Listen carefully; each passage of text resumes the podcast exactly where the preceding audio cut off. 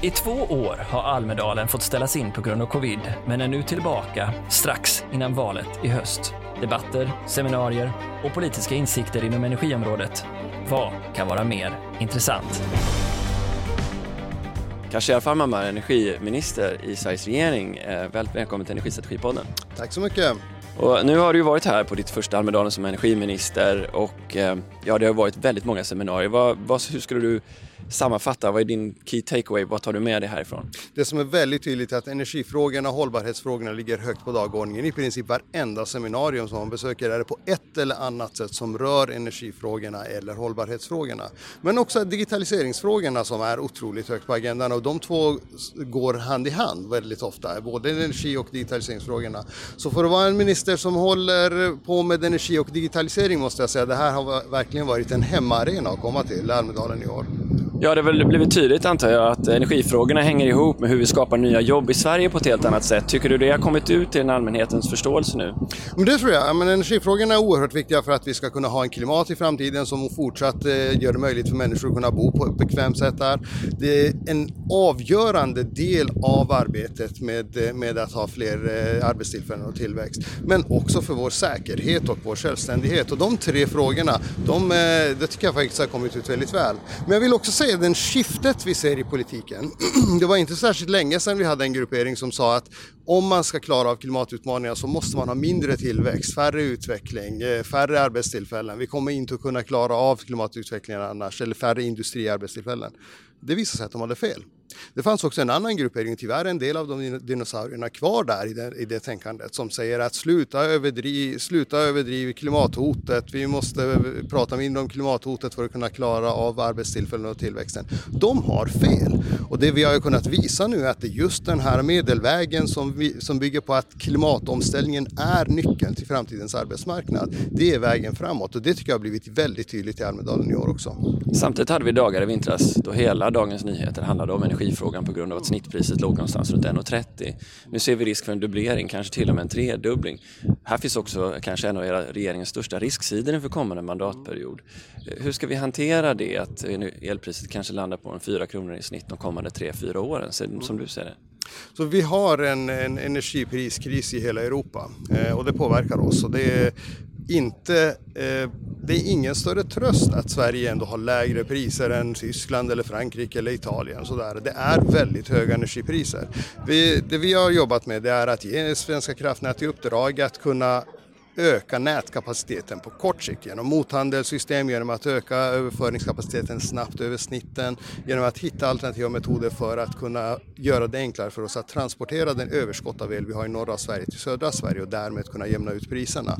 Så det är ett av de uppdragen som vi har jobbat med. Men det andra till syvende och sist så handlar det om att kunna få mer, mer elproduktion på plats här i södra Sverige. Och där behöver vi jobba både mycket snabbare men också mycket mer resolut. Ja, men vi går in på den frågan så har ju um, ni öppnat upp för att uh, utreda för ny kärnkraft nu um, och eh, ni har ställt ut också ett, en, en, en, fråga om till alla andra partier att uh, ingå i en, en ny runda bordesamtal kring energifrågorna. Um, men vissa partier då har sagt att man inte är beredd att gå dit. Vad, vad är, givet att du säger att som marknaden är designad nu så, så finns det inte en marknad för kärnkraften. Vi har haft seminarier med både, både Uniper och Svensk Vindenergi står tillsammans och säger öppna upp för att vi hotar inte varandra, allt behövs. Vad är, kan, kan inte ehm, öppna upp och gå till mötes och säga men varsågod, vi erbjuder flera SMR, vi kan ha det på flera platser om det ändå inte är så att marknaden kommer att införa dem. Vad, vad är hotet i att göra det? Det finns absolut inget hot. Jag har haft precis eh, för några veckor sedan en pressträff och där vi har just presenterat ett uppdrag till Strålsäkerhetsmyndigheten att utreda förutsättningarna för att se finns det möjlighet att ha fler reaktorer, fler platser eller vad som behövs och, och utreda de förutsättningarna så att man kan fatta ett sådant beslut i så fall om man vill i framtiden. Så att där finns det inte. Men det, jag ska säga det är att Sverige behöver mycket mer kraft. Om vi ska ersätta Putingas och oljeshejkolja som finns i våra industrier, i våra transporter, så kommer elektrifieringen eller elektrifierade bränslen att vara avgörande. Och för det så behöver vi mer kraft. Och man kan sätta olika ord för det kraft. Man kan sätta ordet vatten, man kan sätta ordet kärn eller vind eller sol. Och vi behöver dem alla. De som gör en motsättning mellan vind och kärnkraft, de skadar Sverige, de skadar Sveriges industrier och tillväxt, de skadar Sveriges säkerhet och självständighet. Och där ska vi inte vara. Därför, tycker jag, därför har det varit viktigt för oss också att öppna upp för ett nya energipolitiska samtal med alla partier. Och jag blir eh, både oroad och tycker att det är ganska oansvarigt av de partier som direkt utan betänketid förkastar idén att ens sätta sig till samtal om energipolitiken. Sveriges industrier, Sveriges tillväxt förtjänar bättre än så.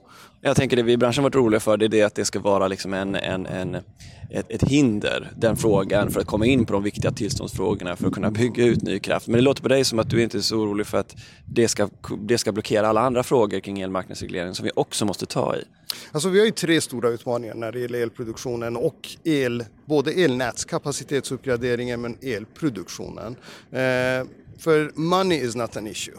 Svenska kraftnät har 100 miljarder de kommande tio åren till förfogande. Vi ser bolag som står i kö på att få bygga nya elproduktion, framförallt havsbaserad vindkraft men också landbaserad vindkraft, som, som är beredda att investera för att bygga. Så pengarna kommer inte vara problemet, men det är tillståndsprocesserna som kommer att vara den stora utmaningen och där finns det då väldigt stora pålagor som vi har lagt på under många år.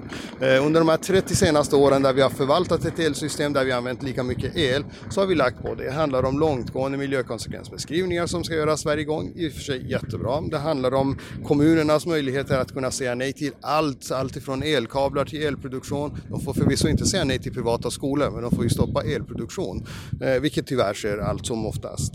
Eh, det har blivit lättare för markägarna, deras intresse har blåst upp, vilket gör att det har stor inverkan på möjligheterna, kulturhistoriska värdet, alla möjliga värden. Och när man lägger alla de här lagren ovanpå varandra så blir tillståndsprocessen processerna oerhört långa. Så kan vi inte ha det. Jag är fast besluten att vi måste kunna halvera eller korta kraftigt till, till, tillståndstiderna och skära igenom de här lagren. Så det är den ena utmaningen. Den andra är kompetensförsörjning, personalförsörjningen. Här handlar det om allt ifrån att den eh, bilmekanikern ska kunna ställa om till, till att kunna gå den här extra kursen för att hantera elbilar men också de här forskning och utvecklingen som sker på universiteten eh, för att kunna leverera kompetens och eh, personal in i det här segmentet som växer oerhört kraftigt, energisegmentet. Och den tredje utmaningen, allmänhetens acceptans. Jag är uppväxt i Norrbotten, det är ganska krast där uppe och eh, jag konstaterar att idag så står bolag i kö på att få investera i Norrbotten. Där finns mycket el, billig el. Förutom vattenkraften så är Norrbotten ett av de första län som satsade på storskalig landbaserad vindkraft.